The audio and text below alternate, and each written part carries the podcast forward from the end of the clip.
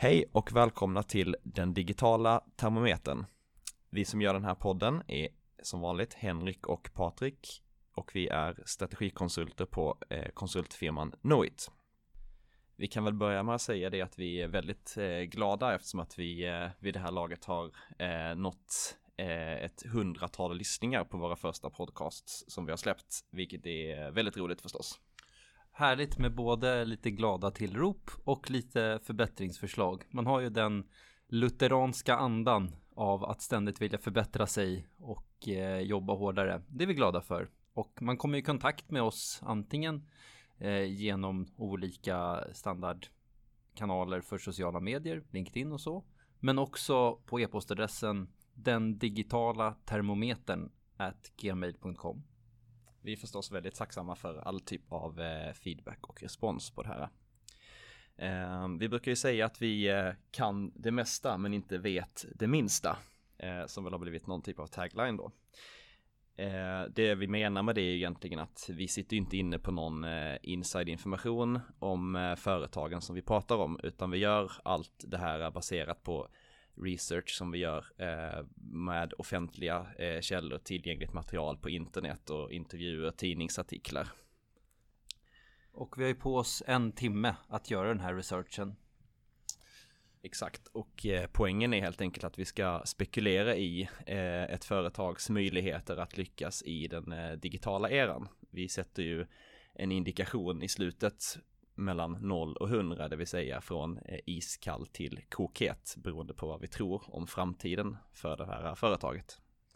Och framtiden tänker vi då, vi kommer ju från ett IT-strategiskt perspektiv, så då tänker vi vad är framtiden ur ett, i en digitaliserad värld egentligen? Och här har vi faktiskt fått frågan, vad, vad menar vi egentligen med, eh, med digitalisering? Det skulle ju kunna vara både att tänka vilka vilka sociala mediekonton ska den här organisationen finnas på och eh, hur ska man, hur ska man eh, promota sig på LinkedIn och så vidare. Vi tänker på digitalisering i lite bredare termer. Hur man kan dels förbättra sina interna processer för att leverera nuvarande affärer fast på ett digitaliserat sätt. Till exempel att ha fungerande chattrobotar i kundtjänst eller att Eh, Eh, räkna ut varupåfyllnad i en eh, dagligvaruhandlare på ett eh, automatiserat sätt snarare än manuellt sätt. Det är den ena delen och den, den interna och sen finns det också såklart extern digitalisering. Hur kan man hitta nya affärsmöjligheter i, i den digitala världen som att eh, ha prenumerationstjänster på bilar till exempel eh, som DriveNow, tidigare Car2Go, nu har Volvo också lanserat det under eget varumärke.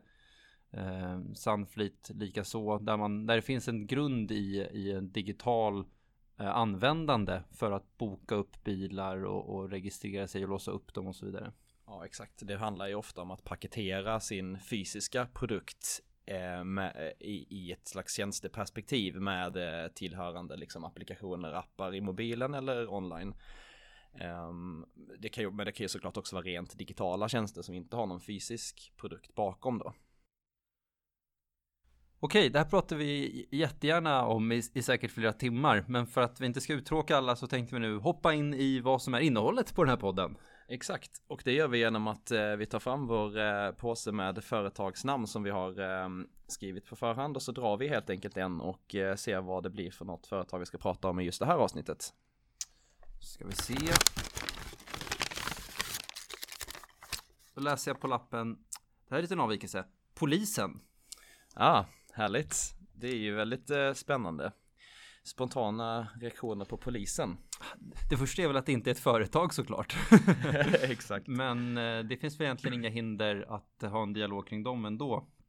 Min tanke här är väl att de har haft lite utmaningar historiskt. De försökte ju eh, byta ut sitt utredningssystem PUST för några år sedan från eh, något hemmabygge tror jag det var till en Oracle-baserad lösning som, som eh, inte alls gick särskilt bra. Och som var det var... inte Sibel nu när jag tänker på det? Eller ja. var det Oracle? Ja, Sibel kan det ha varit. Ja, det eh, spelar ju faktiskt inte jättestor roll. Nej, men som var lite uppmärksammat i medierna. Ja, ja det var väl att eh, betrakta som ett totalhaveri i den implementationen. Um, vi kanske kommer tillbaka till det lite senare då. Men en spontan sak som jag tänker på det är ju att det måste finnas jätte jättestora fördelar med att eh, digitalisera verksamheten ur massa olika perspektiv, om inte minst ur ett brottsutredningsperspektiv, vilket ändå är eh, huvudsyftet med eh, polisens verksamhet. Men alright, vi drar igång vår timmes research då och så kommer vi tillbaka och ser vad vi kan hitta. Så gör vi.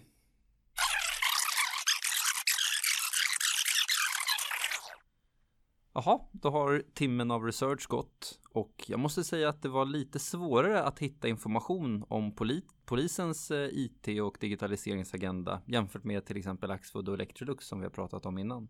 Mm. Eh, och det kan jag tycka känns lite både förvånande och helt rimligt eh, samtidigt. Det ena är ju att det är ju en statlig eh, Eh, myndighet, vilket innebär att offentlighetsprincipen gäller, vilket såklart innebär att man borde kunna få tillgång till en massa information. Men samtidigt är det också polisen som av naturliga skäl eh, kanske inte vill vara hur transparenta som helst eftersom att det skulle kanske kunna eh, eh påverka deras eh, verksamhet negativt. Just det. Eh, jag brukar ju likna de vi pratar om vid en fotbollsföreteelse och här så skulle jag nog vilja likna polisen kanske vid Tobias Linderoth. Gammal eh, fotbollsspelare i landslaget. Hård, stark, pålitlig, eh, lite gammaldags klichémanlig aura. Och eh, det är väl lite det som kanske polisen historiskt sett lite har, har utstrålat. Men eh, på samma sätt som att Tobias Linderoth inom sig har en lite mer flexibel teknisk eh, person. Han kom ju fram i allsvenskan som en väldigt eh, en ung och teknisk herre. Så har polisen också en lite mjukare sida som man jobbar mer och mer mot.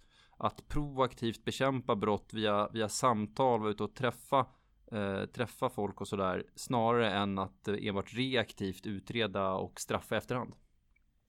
Eh, jag brukar ju inflika här då att jag kan ju inte så mycket om fotboll men får väl ställa min standardfråga då. Vilka är myndigheternas Zlatan? Åh herregud, den var svår. Eh, det måste ju då vara någon myndighet som har eh, varit väldigt framträdande och som många uppfattar som framgångsrik och, och självklart i centrum. Ja, vilket skulle det kunna vara? Skatteverket brukar ju räknas som en av de ganska eh, liksom framgångsrika ur i alla fall ett IT-tjänst och digitaliseringsperspektiv och att många är väldigt nöjda med dem. Ja, jag tror också det. Även det finns ju nästan ingen flärd runt någon myndighet. Kanske, vad vet jag om det egentligen. Men ja, jag köper Skatteverket 100%. Ja. All right. Jag funderade på om man skulle se IT och digitalisering eh, på polisen utifrån tre olika områden. I alla fall som jag tänker spontant och det är ju det ena som vi var inne på i introduktionen här att eh, den inter, rent interna effektiviteten att handlägga eh, olika mål och, och utredningar och, och, egentligen stöd rent administrativt till eh, både poliser och eh, tjänstemän. Eh, ett annat område är ju eh, kontakten med medborgare, alltså e-tjänster utifrån ett eh, allt som kan ha med brottsanmälan att göra och att kunna följa upp få information om sina ärenden. Eh, förhoppningsvis är inte det så många man har då.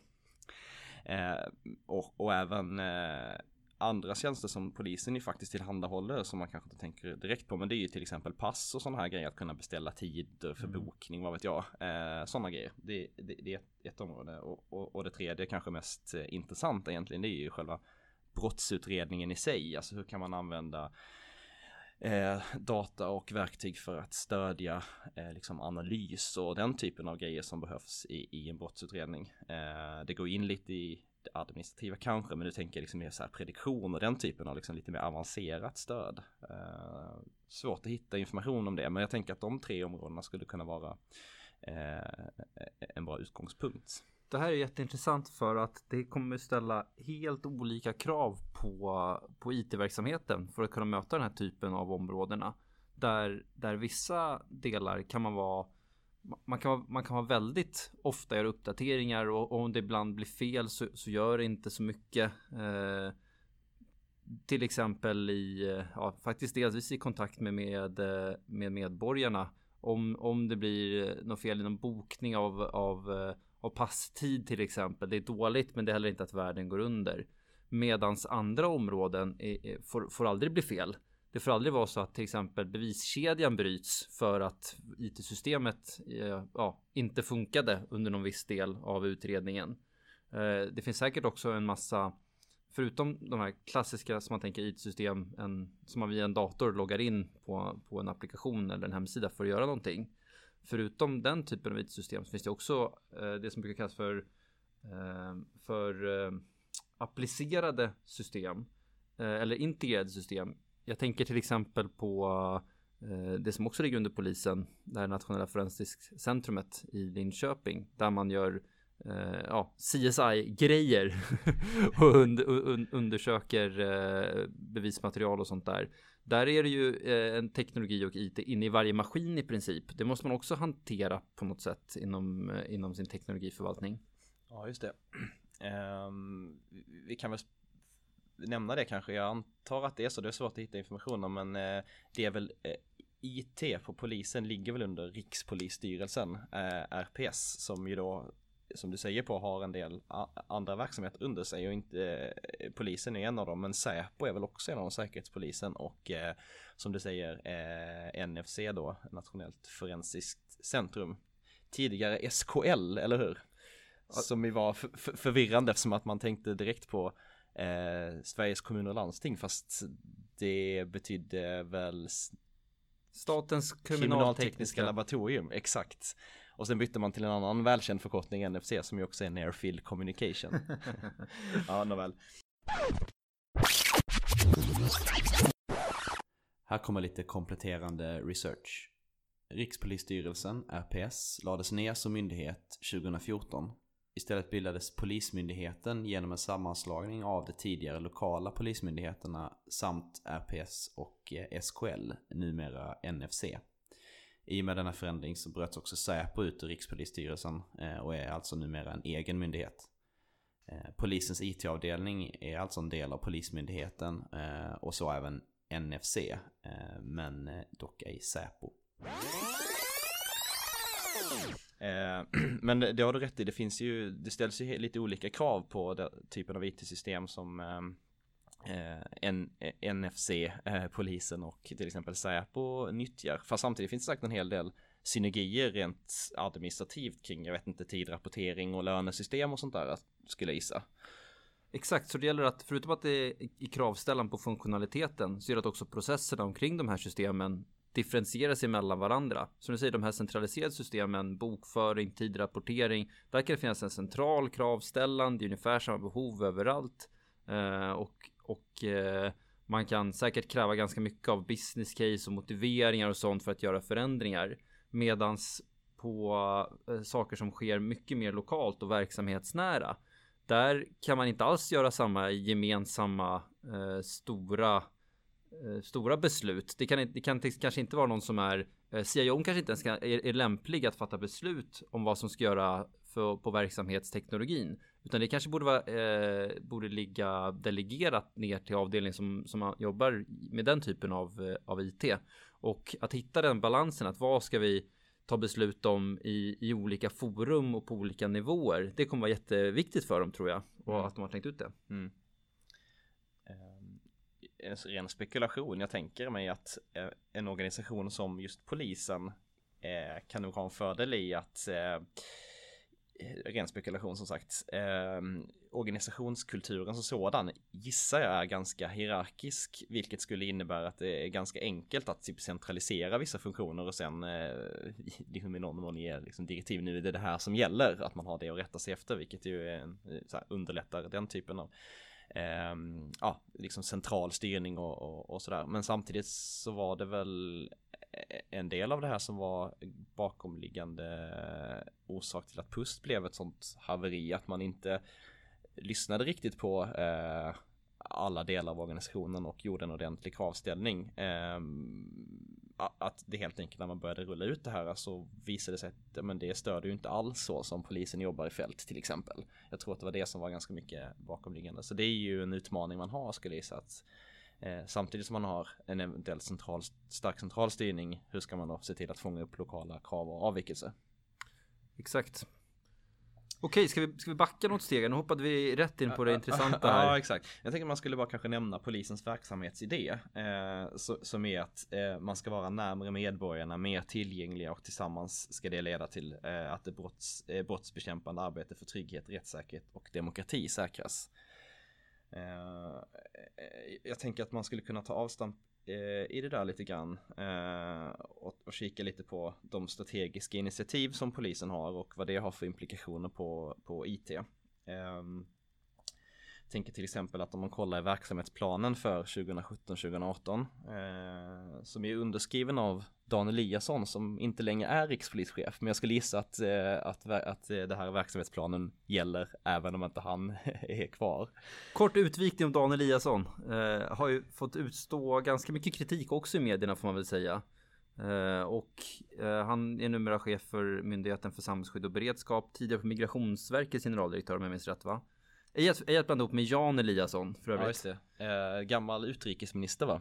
Exakt. Men, men Dan Eliasson har sagt fått utstå mycket, mycket kritik i medier, särskilt från, från vad ska man säga, anonyma källor längre ner i organisationen. Men det jag tycker mig ha, ha hört från på, på ryktesvägen från de som jobbat nära honom är att han har, att han varit väldigt uppskattad bland, bland sina närmaste medarbetare. Så det mm. kanske finns en, en skev medial bild av, av eh, den typen av ledarskap. Mm.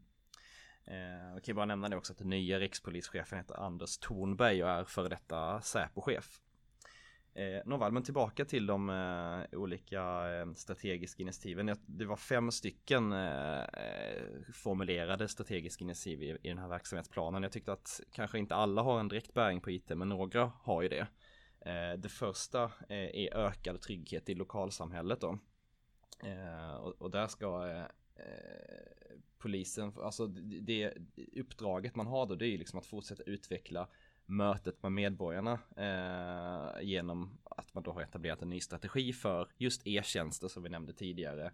Eh, men även telefontjänster och receptionverksamhet. Eh, och där finns det ju verkligen möjligheter att eh, göra digitala insatser. Eh, inte minst det här samarbetet som man har med eh, det här mina meddelanden och digitala brevlådor funktionaliteten det drivs väl eh, gemensamt med andra myndigheter Skatteverket bland annat skulle jag tro eh, men man skulle kunna tänka sig typ chattbottar och sådana där grejer också kanske i, i, i samband med det här.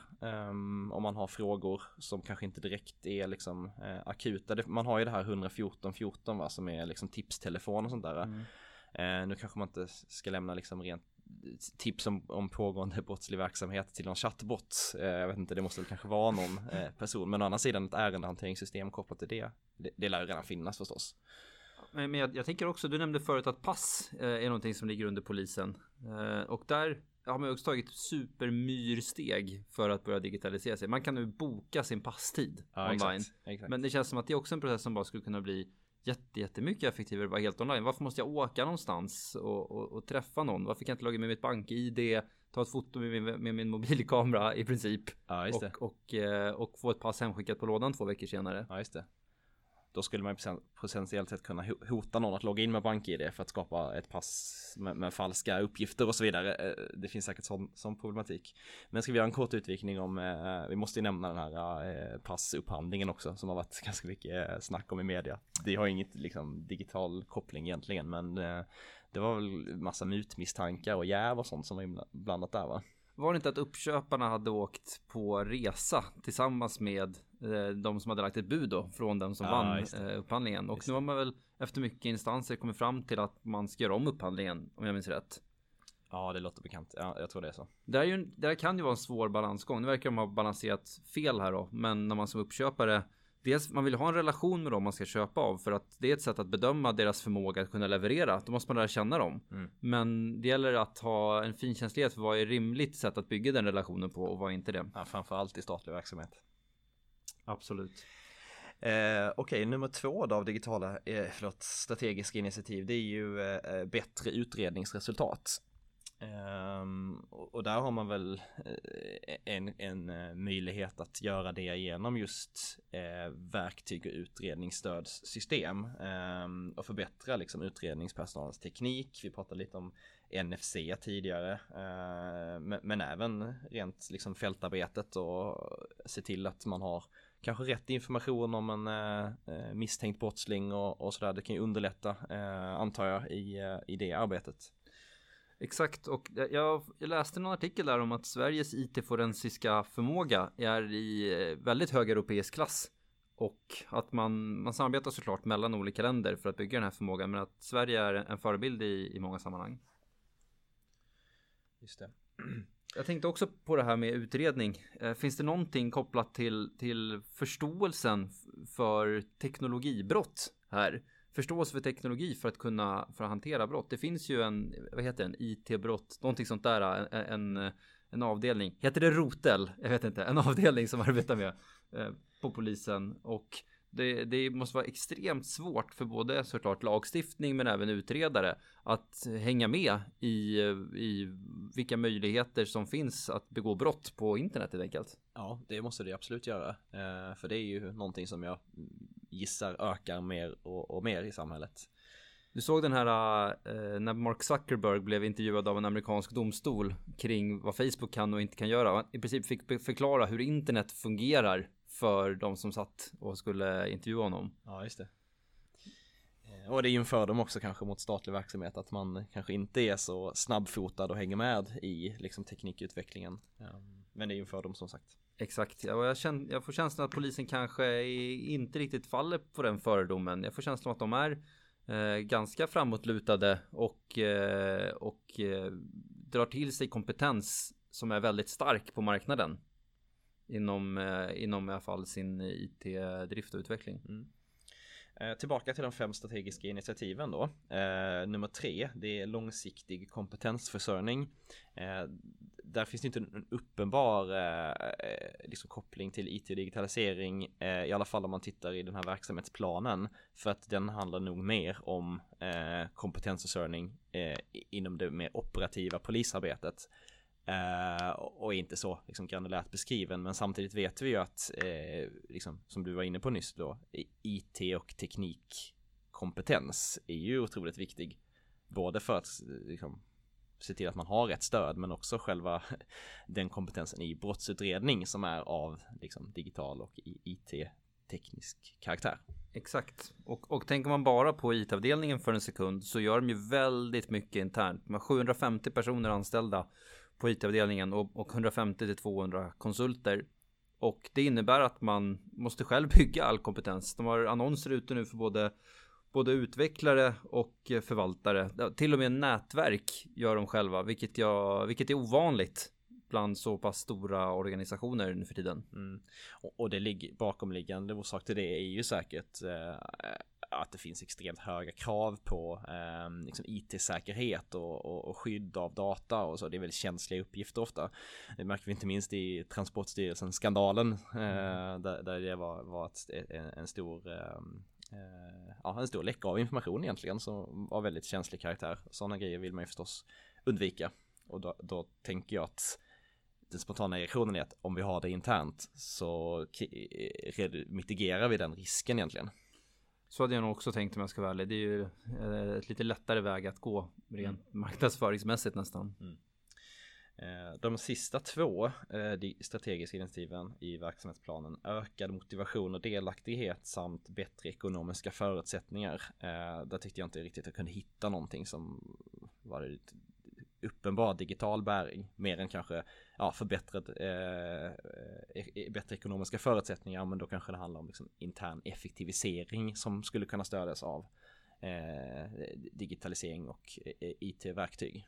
Det här med ökad motivation, det tycker jag de trycker lite grann på i sina rekryteringsannonser faktiskt. Jag har ju, jag har ju en gammal bekant som jobbar med Workplace som är, som är superduktig. Som brukar förekomma med det här promotionmaterialet för att arbeta hos, eh, hos polisens IT-del. Och då brukar de trycka på det här att man har mycket delaktighet. Man får, man får vara med mycket. Man är inte bara utvecklare som ska utveckla en del kod om man är råkar vara utvecklare då, utan man, man är med eh, mycket i, i att hjälpa verksamheten aktivt. Det kanske är någon liten del där om möjligen. Mm, mm. Eh, förresten, en kommentar till det här med långsiktig kompetensförsörjning om man nu tolkar det som eh, liksom digital IT-kompetens. Eh, så hittade jag någon rapport från Ekonomistyrningsverket eh, som den rapporten i sig behandlar eh, hinder för digitalisering eh, inom, inom statliga verksamheter generellt. Eh, och att man då har liksom en slutsats är att det, eh, det finns en massa olika hinder och de är olika olika typer av verksamheter. Eh, men liksom den generella slutsatsen är att eh, ja, IT-mognaden behöver egentligen lyftas i samtliga statliga eh, eller offentliga verksamheter. Ehm, och, och, om det Eh, om vi säger att det är sant för, för polisen då. Ehm, vad, vad, skulle kunna vara en eh, eh, eh, vad är grundorsaken till att man måste lyfta den eh, eller att man inte har så pass hög digital mognad som krävs då enligt den här rapporten? Är det inte Såklart finns det massa saker det här skulle kunna bero på. Men lider inte myndigheter lite av rekryteringssvårigheter? Det är inte lika coolt ofta att jobba på, på myndigheter och, och statliga verksamheter jämfört med att jobba hos eh, tech startups eller, eller industriföretag. Ja, det skulle vara exakt min spaning också faktiskt. Vad tråkigt att du tyckte samma sak. Ja.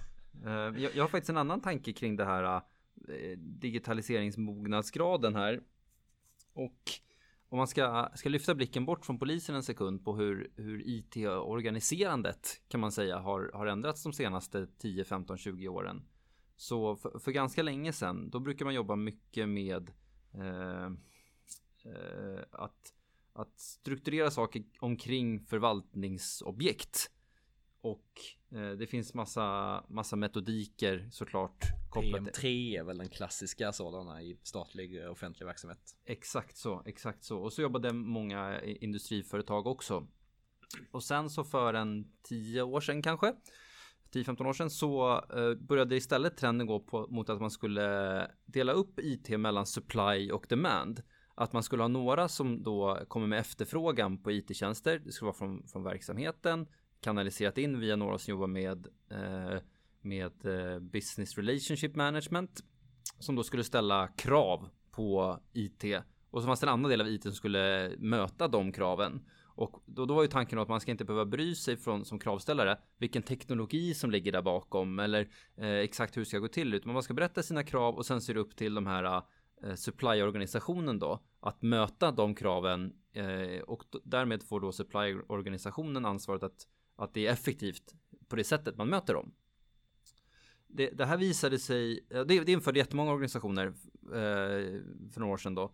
Men det här visade sig över tiden bli ganska mäckigt för att det försvinner massa information när man för över från demand till supply. Det är jättesvårt när man ska sitta som, ja, men som utvecklare till exempel då på, på supply i det här fallet. Att exakt förstå vad behovet är. Om man bara får en Excel-fil med 100 rader med krav och så finns det säkert en prioritering och specifikation och sånt där. Men det finns massa nyanser som är jättesvåra att fånga i den här kravställningen. Om det inte är så att kravställningen blir tusen rader, då blir det nästan väldigt svårt för någon att få en helhetsbild av hur man ska fånga upp de kraven. Mm. Så det vi har sett de senaste, eh, senaste två, tre åren kanske, det är att man har gått tillbaka till fokus kring, inte nödvändigtvis förvaltningsobjekt, men kring eh, värdeströmmar. Och vad, vad finns det för eh, för affärsvärden vi kan uppnå i den här organisationen. Eh, och, hur, och sen så har man riktat IT kring det. Och då har, man, då har de här äh, agila teamen som det brukar kallas uppstått omkring de värdeströmmarna. Och då tänker jag att om man då som många myndigheter aldrig gjorde det här första bytet, man, man är kvar i förvaltningsobjektstänket. Eh, då kan man hoppa över det här supply och demand-tänket och direkt konvertera sina förvaltningsobjekt till värdeströmmar. Säkert med lite små justeringar.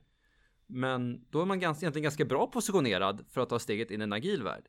Tyvärr tycker jag mig se nu hos flera eh, myndigheter att nu börjar de komma på att supply och demand, det, det är det dags för oss att börja implementera. Och man liksom eh, tyvärr inte gör den leapfroggen. Ja.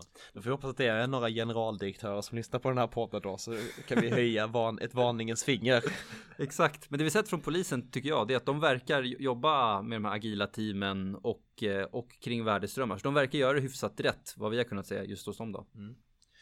Ja, väldigt intressant. Eh, Jag tänkte att vi skulle eh, också nämna eh, varje myndighet har ju ett eh, regleringsbrev där uppdraget från regeringen står formulerat. Eh, och i 2018 års regleringsbrev för Polismyndigheten så eh, finns det några intressanta grejer att beröra tycker jag och det är bland annat att man tillsammans med övriga så kallade RIF-myndigheter. Känner du till RIF? Vet du vad det är för någonting? Det är nytt för mig. Ja, det, kallar, det står för eh, rättsväsendets informationsförsörjning och det handlar egentligen om att alla myndigheter som eh, behandlar ja, brottsutredning och eh, eh, ska se till att lagen följs helt enkelt. De har ju viss samverkan, vi pratar ju med Åklagarmyndigheten och eh, men även Skatteverket, Kronofogdemyndigheten och ja, säkert en hel del andra och inte minst polisen då.